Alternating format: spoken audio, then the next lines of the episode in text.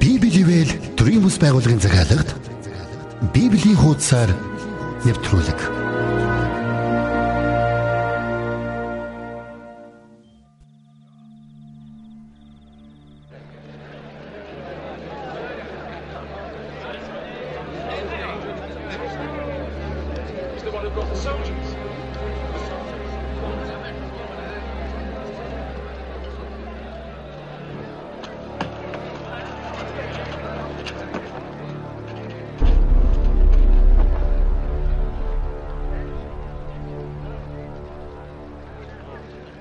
Сонсогч таны энэ өдрийн амар амгалан айлтгая. Өдөр бүр таныг дэлхийн хамгийн бодтой гайхамшигтэ түүхээр аялуулж зүрх сэтгэлдээ мэрэгэн ухааны голыг цутгадаг Библийн хуудас радио цаураар нэвтрүүлгийн шинэхэн дугаар эхэлж байна. Өнгөрсөн дугаарт бид үхэгсдийн амьлалтын талаар үзсэн. Коринтын итгэгчид гүн ухааны буруу сургаалуудаас болоод мөн амьлалтын талаарх буруу бодолтой байсныг нь Паул залруулж Христ амьлсан шиг биднийг ч гэсэн мөн амьлуулах болно гэдэг тухай зааж өгсөн. Тиймээс бурханд үйлчилсэн агуу гэрчлэлтэй амьдрахыг ятгах урамшуулсан онцгой ишлэлүүдийг бид судалж сурсан байгаа. Тэгэхээр биеийн амьлалд бол Библи сударт байдаг үндсэн үзэл баримтлалын нэг гэдгийг итгэгч хүн болгон мэднэ. Харин илүү гүнзгий зөв зэгцтэй ойлголт бидэнд байдаггүй байж.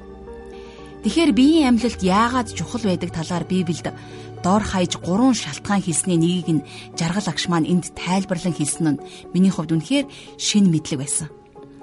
Христгэгч хүний бие бол ариун сүнсний сүм гэдгийг та мэднэ.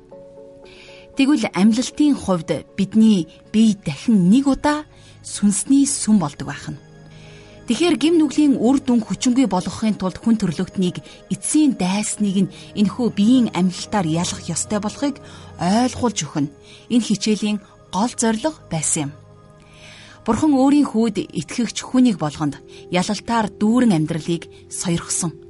Өнөөдөр бид бүгдээрээ ялагчд. Тиймээс итгэгч хүнийг болгон үхлийн хүчинд автдаг, гуниг зовлонтой юм шиг амьдрдаг биш. Харин ялагчийн зүрх сэтгэлээр амьдрдаг байгаасай. Бидний эзэн Есүс Христ үхлийг ялан дийлсэн. Тэр үхэлтэй холбоотой бүхий л зүйлийг загалмайн үхэл болон амьлалтаараа дамжуулан ялсан нэгэн. Ингээд өөрийн хүүгээр дамжуулан бидэнд ялалтыг өгсөн Бурханд талархаж жаргал агшийн хичээлийг хамтдаа эхлүүлье. Залбирцгаая. Ялалт хүч чадлын ундраг болсон хайртай Бурхан Аав минь. Та биеийн амьлалтаар дамжуулан бидэнд ялалтыг сойрхсонд баярлалаа аваа.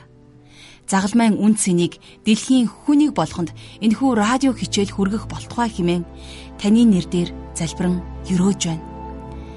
Харин гутлаа тоос шороо болгож танд үйлчилж таны үгээр удирдуулан газар бүхэнд хурж үйлчлэхэд та биднийг өрөөж өгөөч гэж гуйж байна. Өвчтөе зовлонтой хүнд ачаа үүрсэн тэр дарамтанд нэрвэгдсэн хүмүүст Бурхан таны алдрыг тунхаглаж гэрэл гэгээ итгэл найдвар болон хүрэхэд та биднийг энэхүү үйлчлэл дуудаач. Таны үгнээс суралцж байхад та биднийг босгон байгуулж хүчрхэгжүүлж өгөөрэй.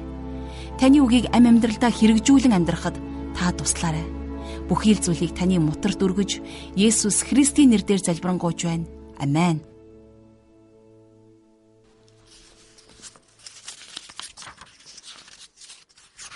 За өнөөдөр хамтдаа үргэлжлүүлээд 1-р Коринт номынхон 15 дугаар бүлгийг судлах болно. Тэгэхээр 1-р Коринт ном болвол яг л Ром номтой адилхан теологийн асар гүнзгий олон олон сургаалуудаар дүүрэн ном. За бид 14 15 дугаар бүлгээс амьлалтын талаар суралцж байгаа. Тэгэхээр Христийн дахин амьлсан энэхүү баримт болвол Христ итгэлийн хамгийн гол үндсэн суурь болж өгдөг.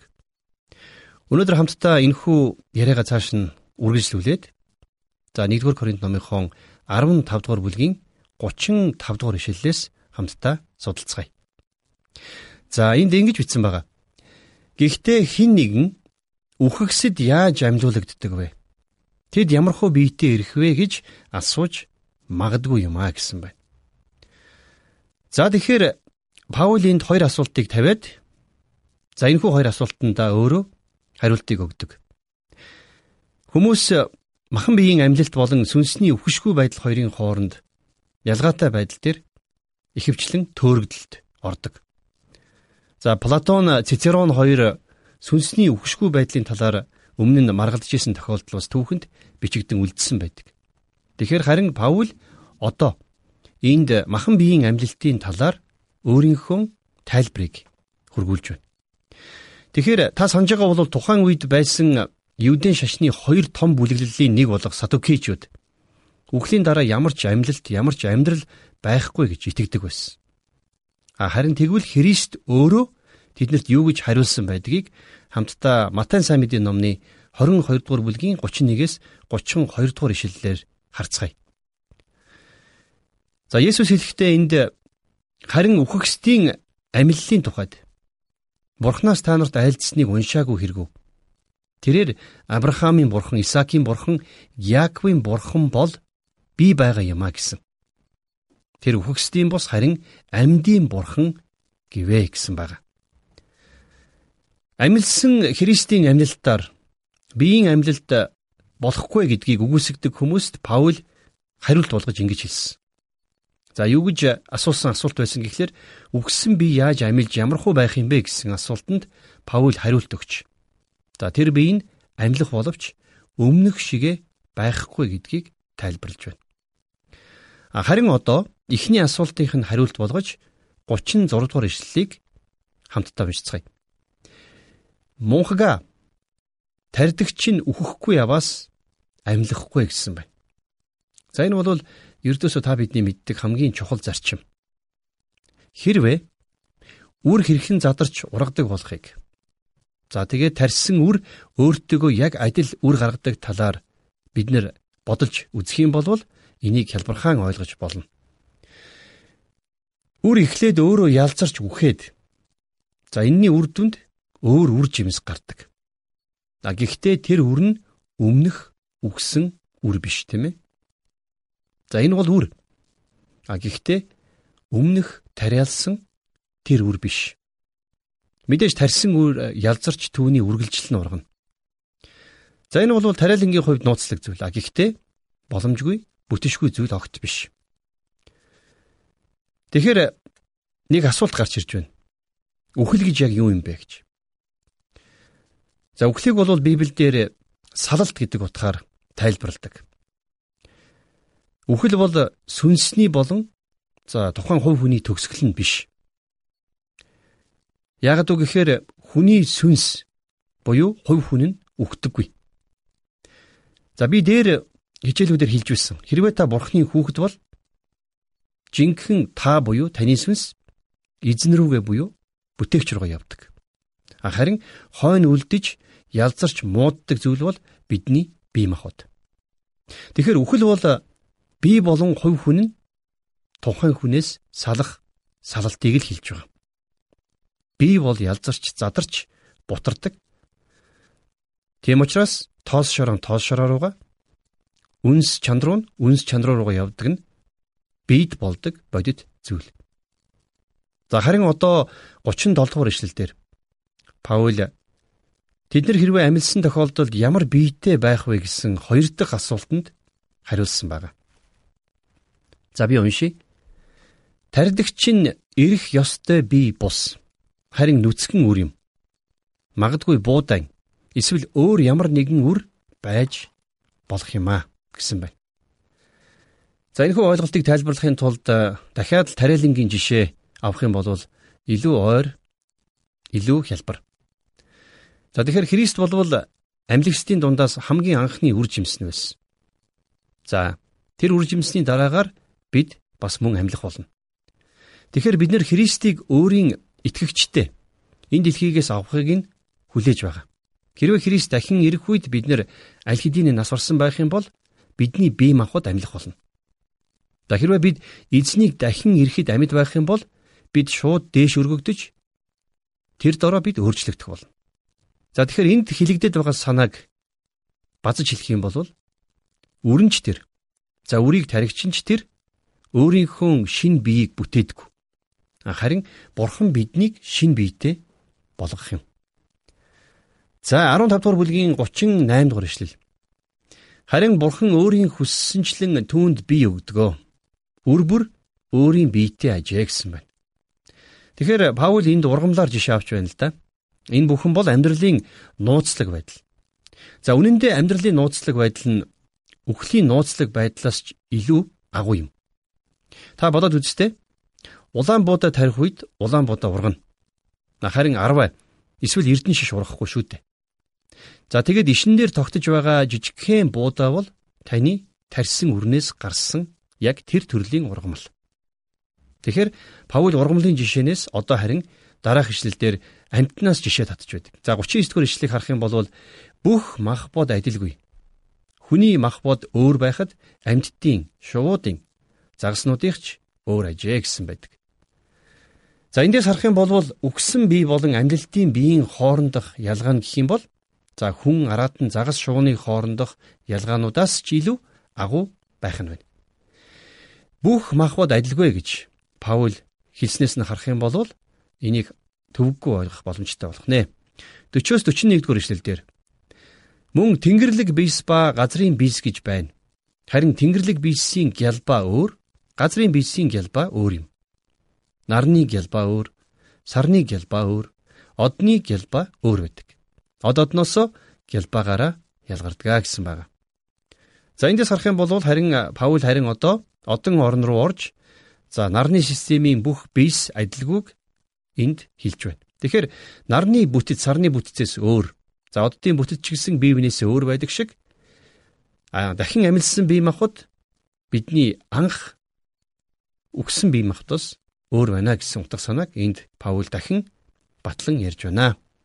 42 дугаар ишлэгийг харах юм бол үхэгсдийн амилал нь мөн тийм байна. Энэ нь муудах байдалд ор таригдж, үл муудах байдалд ор амьлуулагдана гэсэн байна. Сонсогч танд Библийн боловсрол олгох Библийн хуудасаар радио хичээл хурж байна. Та санал бодлоо 8983 1045 утсанд хандаж хэлээрэй. Бас манай Facebook хуудасаар зочилж болно. Хаяг нь facebook.com bibлийн хуудасаар. За хамгийн анхны хүн болох Адам байгаа тийм ээ. Тэгэхээр Адамд өгөгдсөн бие үргэлж үхэлтэй хамааралтай байсан. За хэрвээ Адам нүгэл үйлдэггүй байсан бол үхэхгүй байж болох байсан ч гэсэн түүний бие үхэлтэй хамааралтай байгаа байсан. За хэдийгээр ийм ч гэсэн амьлалтаар бид язардгүй шин биеийг авах болно. За энэ л гайхамшигтай зарчмыг Паул бидэнд энэ бүлгэрээ дамжуулан улам илүү тайлбарлаж байна. 43 дугаар ишлэгийг харах юм бол энэ нь үл хүндлэл дор таригдж алдар дор амьлуулагдана. Энэ нь мөхс байдал дор таригдж хүч дор амьлуулагдана гэсэн байна. За энэ бол гайхалтай дүгнэлт. Бид нэр алдар, өнгө, гоо сайхан зэрэг эдгээр бүх зүйлсийг шин биеийн хамт хүлээж авах болно гэсэн үг. За 44 дугаар ишлэлдэр энэ нь төрлөх биеэр таригдж сүнслэг биеэр амьлуулагдана. Төрлөх бие байдаг бол сүнслэг бийч мөн байгаа. За амьлалтанд хамрагдах цорын ганц зүйл нь юу вэ гэхлээр зэрэг хүний махан бие байх нь тийм ээ. За өөрөөр хэлэх юм бол нэг л төрлийн бие буюу за төрлөх бие бол үхдэг. А ингээд амьлалтын дараагаар бид нэр цоо шин бие махбодыг бурхнаас хүлээж авах нь байна. 45 дугаар ишлэлдэр Тинхүү анхны хүн Адам амьд биет болжээ гэж бичигдэжээ. Сүүлчийн Адам нь ам өгөгч сүнс болвоо. За энд ярьж байна тийм ээ. Анхны хүн Адам болвол бие болон сэтгэл зүй за дээрэс нь оюун ухааны хувьд хүн байсан болвол харин сүүлчийн Адам буюу Христ бол сүнсний хүн байсан байна. За энэ талаар үргэлжлүүлээд 46-аас 47 дугаар ишлэлдэр илүү тодорхой байгаа. Харин эхнийх нь сүнслэг бус төрлөх агаад сүнслэг нь дараа нэж. Анхны хүн нь газраас бөгөөд шорон, хоёр дахь хүн нь тэнгэрээс болоо гэсэн байна. За анхны хүн буюу Адамыг газар шорооноос бүтээсэн гэдгийг бид Эхлэл номноос уншдаг. Тэгэхээр газар шорооноос буюу за грекээр чойкос гэдэг үгээр илэрхийлсэн байдаг. За энэ бол чок гэж англиар хэлэгддэг шавар гэсэн утгатай. Өнөөдөр байгаль экологийн талаар маш их зүйл яригддаг болсон байгаа. А ингэхэд энэ дэлхийг хэн ингэж сүйтгэж хаяваа гэж ярих хүн их олон болсон. Хариулт нь тодорхой шүү дээ. Хүмүүс бид нар өөрсдөө. Хүн л энэ байгаль ертөнцийг сүйтгэж байна. Яагаад гэвэл бид нар бол шорооноос бүтээгдсэн бүтээл юм шүү дээ. За хүний биеэс гарч байгаа бүх зүйл хог болдог. Хүн бол тийм л бүтээл. Хүн өөрөө хогийн савыг дүүргдэг. А харин хоёр дахь хүн бол Тэнгэрээс гаралтай эзэн юм. Тэгэхээр энэ хоёр хүний хооронд маш том ялгаа байна тийм ээ. Нэг нь газраас улбаатай, харин нөгөө нь Тэнгэрээс улбаатай байх нь. За 48-аас 50 дугаар ишлэлдэр Паул үргэлжлүүлээд шорооных нь ямар байдагчлан шорооноос буйн тийм бөгөөд Тэнгэрийнх нь ямар байдагчлан Тэнгэрээс буйн тийм байна. Шороон хүний дүрийг бид өмсдөг шиг Тэнгэрлэг хүний дүрийг бид өмсөх болно. Ах トゥ нараа үүнийг би та нарт хэлье.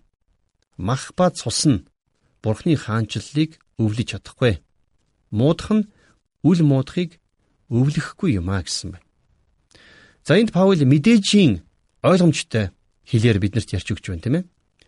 Юу гэхлээр бид нар бүгдээрээ шорон Өөрөөр хэлэх юм бол шорооноос бүтээгдсэн хүмүүс. Бид нар Адамаас үүсэлт. За энэ бол бидний яг одоо байгаа нөхцөл байдал. А гэхдээ нөгөөтэйгөр бид нэр Христэд итгэснээрээ Христийн дотор орсон. Бид нар түүнтэй нэгдсэн. Тийм учраас бид нар сүнслэг найдварууд бий болсон байна. За тэгээд энэ найдвар нь Христтэй үрд хамт байх мөнхийн биедэх амьлалтын ирээдүй буюу найдвар. Тэгэхээр өнөөдөр бид нэр шорон биеийг өмсөж байгаа хэдий ч Тэнгэрлэг дүрийг өмсөх тэр өдрийг бид нэр бүгдээрээ тисэн ядан хүлээж байгаа юм. За Паул дээр хэлсэн махбат цус нь Бурхны хаанчлыг өвлж чадахгүй гэж. Тэгэхээр бидний хуучин бие махбод Тэнгэрийн улс руу явахгүй. Тэгэхээр энд бол би хувьдаа баяртай байгаа. Яагаад гэвэл Паул хэлсэн байсан муудах нь үл муудахыг өвлөх боломжгүй гэж. Тэгэхээр энэ нь бидний бие махбод шороондо бутсан очих ёстой. Яг л үр шиг тийм ээ. Харин бидний өмсөх шин майхан буюу шин биеийг бид нар бурхнаас хүлээж авна. За тэрхүү бие нь бидний хуучин бие шиг биш ч гэсэн хуучин биетэй минь адилхан байх болно. Олон шашингүй үзэлтнүүд өгснийхээ дараагаар өөрийн чанарыг далайд цацуулахыг хүсдэг. Тэгснээр тэд нэр бурхан тэдгээр атомуудыг буцааж нийлүүлж хүн бүтээж чадахгүй гэж бурхныг сордог бололтой. Бидний бие махбод хитгэн химийн бодисоос бүрдсэн байдаг. Та бодоод үзтээ бидний биеийн ихэнх бүтцэн ус, хүчил төрөгч, ус төрөгч болон за тэдгээртэй нэгддэг бусад энгийн химийн элементийн атомууд байдаг.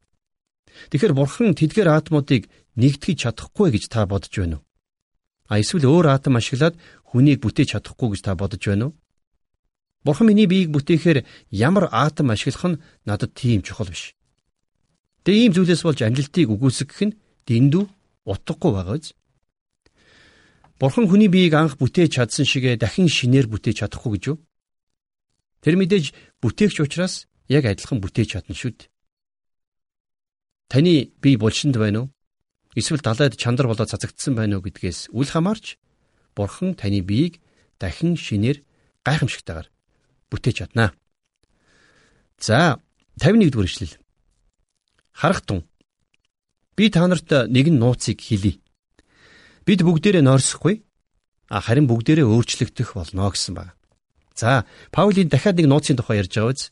За бид нар энэ талаар аль хэдийн хэд хэдэн удаа ярилцсан байна. Тэгэхээр нууц гэсэн үг болвол хуучин гэрээн дээр хараахан илчлэгдээгүй байсан боловч харин одоо шин гэрээнд илчлэгдсэн тэрхүү зүйлийг хэлж байгаа. За нууц бол та нүд болон чихээрээ ойлгож болдоггүй зүйл. За нууц бол бурхнаар илчлэгдэх ёстой баримт үйл явдал юм тийм ээ. За тэгэхээр Паул хэлсэн харах тун би та нарт нэгэн нууцыг хэлье бид бүгдээрээ нойрсохгүй гэсэн. За энэ нь бид нар бүгдээрээ үхлийн хаалгыг татаж очихгүй гэсэн үг. Харин бүгдээрээ өөрчлөгдөх болно гэснээрээ та нас барахч вэ үгүй ч вэ эзэн Есүсийг ирэхэд өөрчлөгдөх тэр гайхамшигтай өөрчлөлтийн тухай ярьж байна. За зарим хүмүүс би Христийг ирэхэд амьд байх юм бол шууд түүний оршихуйд очихно гэж ярьдаг. Тэгэхээр бид нэр түүний оршихуйд очихоос өмнө өөрчлөгдөх болно гэсэн үг. За энийг та сайн ойлгож аваарай. 52 дугаар эшлэл дээр. Ингэхдээ нүд ирэмхийн зур нэг агшинд сүүлчийн бүрээнэр Учир нь бүрээ дуугарч үхэгсэд үл муутахаар амьлуулагдаж бид өөрчлөгдөнө. Паул энэ дээр маш бат итгэлтэй хэлж байгаа. Нэг агшинд гэдэг нь болохоор цаг хугацааны хамгийн бага хэсэг техникч магадгүй секундыг хэдэн мянга хуваасны нэгтээ тэнцэх. Тэгэхээр нэг агшин гэдэг үгийг грекээр энэ атомо гэж хэлдэг. За бидний мэдих атом гэдэг үг энэ үгнээс гаралтай. Тэгэхээр эрдэмтэд атомыг атом гэдэг нэр өгөхдөө маш том алдаа гаргасан байдаг. Тэд нар хамгийн жижиг нэгжийг олчихлоо гэж бодсон. А гэтэл харин одоо тэр атомыг бялуу шиг л зүсэн хувааж атомыг бүрэлдүүлэх өөр бусад жижиг хэсгүүдийг нээн идрүүлсээр байна. Тэгэхээр атомыг бид нар байшин барилга барих гэсэн утгатай стойкион гэдэг үгээр нэрлсэн бол арай дээр байсан. За үнэн дээр Симон Петр энэ үгийг хоёр дахь захианда хэрэгэлсэн байдаг. За тэгэхээр Та бид нар бүгдээрээ нүд ирэмхийн зур буюу секундыг хэдэн сая хуваасны нэгтээ тэмцэх тэр хэмжээнд өөрчлөгдөх болно гэсэн үг байна, тийм ээ? Тэгэхээр энэ Есүс ирчихсэн байна. Эсвэл Есүс энд байна гэж хэлэх ямар ч сөгөө үгүй тийм хугацаанд болж өнгөрнө гэсэн үг. Сонсогч танд Библийн боловсрол олгох Библийн хуудасаар радио хичээл хурж байна. Та санал бодлоо 8983 1045 утсанд хандаж хэлээрэй. Бас манай Facebook хуудасаар зочилж болно. Хаяг нь facebook.com bibлийн хуудасаар. За Паул хэлсэн байсан сүүлчийн бүрээнэр гэж. За тэгэхээр сүүлчийн бүрээнэр гэж яг юуг хэлээд байгаа юм бэ гэхээр за энэ бол Есүсийн сүүлчийн хүн төрлөختөнд хандаж гаргах дуудлагыг хэлж байгаа. За бүрээ бол Есүсийн дуу хоолойг илэрхийлж байна. За энэ тухай илчлэл номон дээр илүү тодорхой бичсэн байдаг л да. За тухайлх юм бол 1-р бүлгийн 10-аас 13 дугаар ишлэлдэр Эзний өдөр би сүнс дотор байсан бөгөөд ард маань бүрээнийх мэд чанга дуу сонсогдож чи юу харснаа номд бичиж Эфес, Смирна, Пергам, Туатер, Сардей, Филадельф, Лаудикт буй долоон чуулганд илгээ гэв. Надтай ирсэн дуу хинийх болохыг үзэхээр би эргэн харахтаа долоон алтан динг үзлээ. Урт дээлөмсөж Цээжээрээ алтан бүс бүсэлсэн хүний хүү лугаа адил нэгэн дингүүдийн дунд байлаа гэсэн баг. За энэ ишлэлийг бид дараа илчилт номыг үзэхдээ нэлээд дэлгэрэнгүй судлах болно. Тэгэхээр энд гарч байгаа сүүлчийн бүрээ бол яахын аргагүй эзэн Есүсийн дуу хоолой байх нь. Тэгэхээр эзэн Есүс хүн төрлөختнийг сүүлчийн удаа дуудахдаа үхэгсдийг амьдуулах болно. Йохан номын 11-ийн 43 дугаар ишлэлдэр Есүс Лазарыг хэрхэн амьлуулсан тухай түүх бичигдэн үлдсэн байдаг. За Есүс булчиндаа байсан Лазарт Лазар гараад ир гэж хэлсэн байдаг. Тэгэхээр хизээ нэгэн өдөр Есүс надад жаргалаа гараад ир гэж хэлэх болно. За бас тэр таныг ч гэсэн нэрэрт нь дуудах тэр өдөр ирэх болно. Тэгэхээр үхэгсэд үл муудахаар амьлуулагдаж бид нэр хоромхон төдий хугацаанд өөрчлөгдөх ёстой. За үргэлжлүүлээ 53 дугаар эшлэл дээр. Учир нь муудах нь үл муудахыг өмсөх ёстой бөгөөд үхтэх нь үхэшгүйг өмсөх ёстой. За энд ёстой гэсэн үг хоёр удаа гарч байгаа биз. Тэгэхээр энэ үгийг анхаарах хэрэгтэй. Маш хүчтэй чухалчилж илэрхийлж байна тийм ээ. Бид нэр одоо байгаагаараа Тэнгэрийн улс руу явах боломжгүй. Бид нар одоогийн бидэнд байгаа хуучин биетэйгээ Тэнгэрийн улс руу орох боломжгүй гэсэн үг. Бид нар одоогийн биеэрээ Тэнгэрийн улсад юу байгааг болон за тэнд байгаа дуу хөгжмийг сонсож чадахгүй. Учир нь яагаад гэвэл гэхээр бидний бие махбод хязгаарлагдмал байдаг. Тэгэхээр Тэнгэрийн улсад бид нар хэрвээ одоогийн биетэйгээ очих юм бол бид нар бараг сохор дүлийн хүмүүс ч л байх болно гэсэн үг. За мэдээж боломжгүй. Тэгэхээр энэ дэлхийд ч бид нар маш бага зүйлийг харж маш бага зүйлийг сонсох чадвартай байдаг. Тэгэхээр хэрвээ бид одоогийн энэ хуучин биетийгээ Тэнгэрийн улс руу явбал тэнд болж байгаа зүйлсийн талыг нь л бид нар харж сонсож чадна. Тэгэхээр миний хувьд би тийшээ явахдаа тэнд болж байгаа зүйлсийн аль нэг нь ч орхигдуулмааргүй байна. Тийм болохоор надад шин бие хэрэгтэй. Тэм учраас Паул хэлэхдээ муудах нь үл муудахыг өмсөх ёстой, өвгтөх нь үхшгүй өмсөх ёстой гэж хэлсэн юм аа. 54 дугаар ишлэл. Инхүү муудах нь үл муудахыг өмсөж, үхтэх нь үхшгүйг өмсөх үед үхэл ялалтан залгигдлаа гэж бичигдсэн үг биелнэ. За энэ бол яахын аргагүй ялалт. За ялалт дундаа амьдралтын ялалт. Өөрөөр хэлэх юм бол үхэл ялагдсан тухай Паул цааш нь үргэлжлүүлэн бичгтээ 55-аас 57 дугаар ишлэлдэр үхлээ. Ялалт чинь хаана байна вэ? Үхлээ. Хатхуур чинь хаана байна вэ? Үхлийн хатхуур нь нүгэл. Нүглийн хүч нь хууль. Харин эзэн Есүс Христээр маань бидэнд ялалт өгдөг бурханд талархал нь байх болтугай гэсэн байна. За энэ бол гайхалтай ялгуулсан ялалтын тухай Паул хэлэхдээ Бурхан үхлийн хатхуурыг авсан гэдгийг зүгий хатхуураа хайсантай яг адилхан зүйрлэж хэлсэн байдаг. Тэгэхээр зүгий хизээ хатхуураа хайдгийг би мэдэхгүй. За бас би зүгий болгоныг зогсоогоод чамд хатхуур байна уугүй юу гэж асууж чадахгүй. За тийм болохоор би бүх зүгийнөөс айдаг. Харин Паул хэлэхдээ үхэл хатхуураа алдсан гэж хэлсэн. Яагаад гэвэл бид үхлээс цаагуурах зүйлсийг харах боломжтой болсон. Тэгэхээр Христэд итгэдэг хүмүүсийн хувьд үхэл бол мөнхийн бүс нутаг руу орох үүд хаалган болдог. Үхэл бол мөнхийн замыг эхлүүлэгч. А гэхдээ мэдээж бид нар махан биеэр энэ дэлхий дээр амьдарч байх үедээ энэ хаалгаар орохдоо цааргалдаг. За Паул асуухтаа үхлээ. Чиний ялалт хаана байна вэ гэж асууж байна. За энийг харах юм бол үхэл ялдаг юм шиг харагдаж байгаа биз? Олон хүн амжилттай бизнесмен байсан боловч эцэстээ үхэл тэднийг дийлдэг шүү дээ. Олон улс төрчид өндөр албан тушаалд очдог ч эцэстээ тэд үхэлд дийлддэг. Тэд нэр хэдийгээр хамгийн дээд оргил өндөрлөгт хүрдэг ч гэсэн үхэл тэднийг эцэст нь ялдаг. Тэгэхээр үхэл болвол нэг үгээр хэлэх юм бол аимшигтай мангас.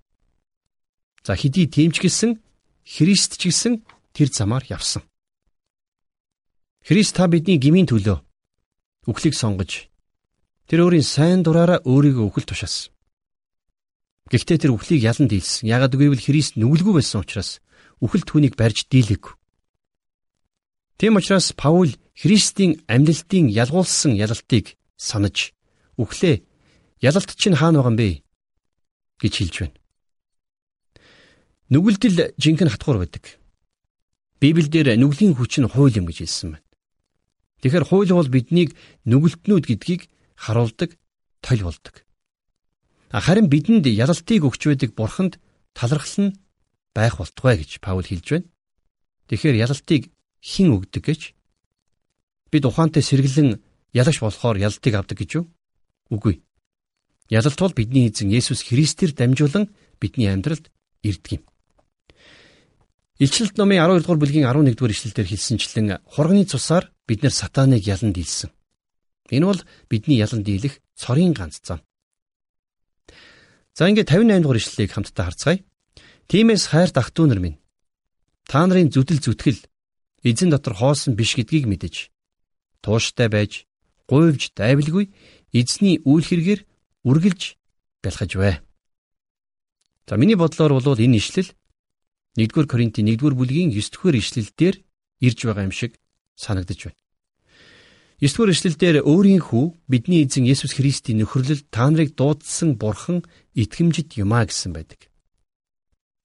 Тэгэхээр бид нар бүгдээрээ бурхны хүүгийн нөхөрлөлд дуудагдсан. Паул энэ бүлэг дээр биднэрт аль хэдийнэ хэлсэн нэгэн зүйл байна.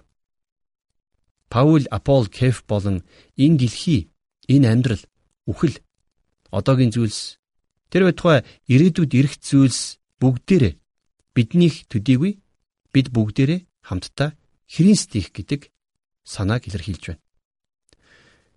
Тийм учраас бид нэр энэ амьдралын сайн сайхныг мэдрэмээр байна. Амьдралч биднийх, үхэлч биднийх.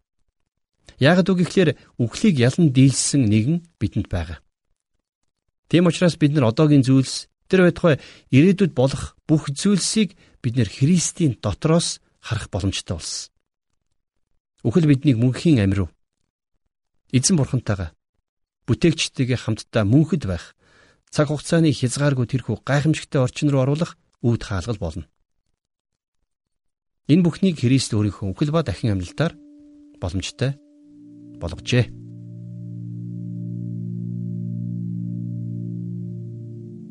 Тэгэхээр өнөөдрийн хичээлээр бид хуучин бие маань ялзарч шин биеийг өмсөх тухай болон мөн амьлалтаар ялзардгүй шин биеийг авах тухай маш сонирхолтой зүйлийг үзэж сурлаа. Итгэгч хүмүүс бид биеийн амьлалт болон сүнсний үхшгүй байдал дотор энэ хоёрын ялгаатай байдал дээр их алддгаа олж харсан байх. Тэгэхээр амьсан Христийн амьлалтаар биеийн амьлалт болдог гэдгийг үгүйсгдэг хүмүүст энэ бүлэг нэг зүйлийг ухааруулж, олж харах ёстой зүйлийг харуулж чадсан гэдэгт итгэлтэй байна. Хэрхэн биеийн амьлалт болдгийг жаргал агш маань маш ойлгомжтой нэг жишээгээр тайлбарж зааж өгсөн надад үнэхээр таалагдлаа. Хэрвээ та ямар нэгэн урмал ногоог үрээр суулгаж тарж байсан бол биеийн амьлалтыг сайн ойлгох бах. Тарийн талбайд суулгасан үр эхлээд задарч ургадаг. А дараа нь өөртөө яг адилхан үр өөрөөсөө гаргадаг. А тэрхүү үр нь өөрөө ялзарч үхээд өөр нэгэн үр гаргаж соёолдог нь энэ үйл явцыг та надаар хэлүүлдэг сайн мэднэ. Тэгэхээр биеийн амьлалт гэдэг бол яг л үүнтэй адил. Хуучин биеэ өхүүлээд Христийн цоо шин биеийг өмсөх процесс юм. Үнэхээр гайхамшигтай зүйлүүдийн талаар өнөөдөр сонсож суралцсандаа миний хувьд маш их сэтгэл догдолж байна. Энэ бүгдээс илүү хүмүүсийн хамгийн их анхаарлаа хандуулдаг зүйл бол яахын аргагүй үхэл. Үхлийн талаар жаргал агшин хэлсэн тайлбарууд надад санаанд орхооргүй их урам зориг, зориг, ирээдүй, утга учиртай алсын харааг өгч чадлаа. Хэдийгээр үхэлд энэ дэлхий дээрх бүхнээс биднийг салгадаг ч гэсэн харин сүнсний болоод хувь хүний төгсгөл биш юм байна гэдгийг би өнөөдөр гүн гүнзгий ойлгож авлаа. Миний сүнс, миний хувь мөн чанар маань үхдэггүй гэд бодохоор энэ дэлхийн амьдралын өдөр болгоныг хайрлаж, үн цэнтэй үдэх хэрэгтэй юм байна гэдгийг ухаарч авлаа. Энэ ухаарал таны зүрх сэтгэлд ч гэсэн соёолж, ургасан гэдэгт итгэлтэй байна. Энэ хүрээд өнөөдрийн Библийн хуудасаар радио нэвтрүүлэг маань өндөрлөж байна. Харин сурсан бүхнийхээ төлөө Бурханд талархаж хэрэгжүүлэх урам зориг хүч тэнхийг түүнээс гуйж хамтдаа залбирая. Хайртай Бурхан минь, хуучин биеийн минь оронд шин бие, Христийн хайраар бүтээгдсэн тэр шин биеийг өгсөнд баярлалаа аваа. Үхэл ирснээр амьдрал дуустдаггүй, төгсгөл ирдэггүй гэдгийг их ээ та өнөөдрийн хичээлээр дамжуулан хүнийг болгоны зүрх сэтгэлд та зааж суулгаж өгсөнд баярлалаа аваа. Өдөр болгон та бидэнд өөрийн гайхамшигтай үгнээсээ ойлгуулж, мэдүүлж байгаа таньда талархаж байна. Таны алдрын төлөө үнэхээр гэрчлэлтэй амьдрахыг бид хүсэж байна. Тиймээс эзэн минь ээ, та өөрийн үгийг үргэлжид харанхуу зам бүр дээр минь дэнлүү адил гэрэлтүүлж та замчлаарай. Сайн мэдээг газар болгон түгээхэд та биднийг бүрэн дүүрнээр ашиглаарай. Бид танд ирээдүгэ эр хөдрүүдээ таны моторт өргөж Есүс Христийн хүч чадалтай нэрээр залбирanгуйж байна. Амен.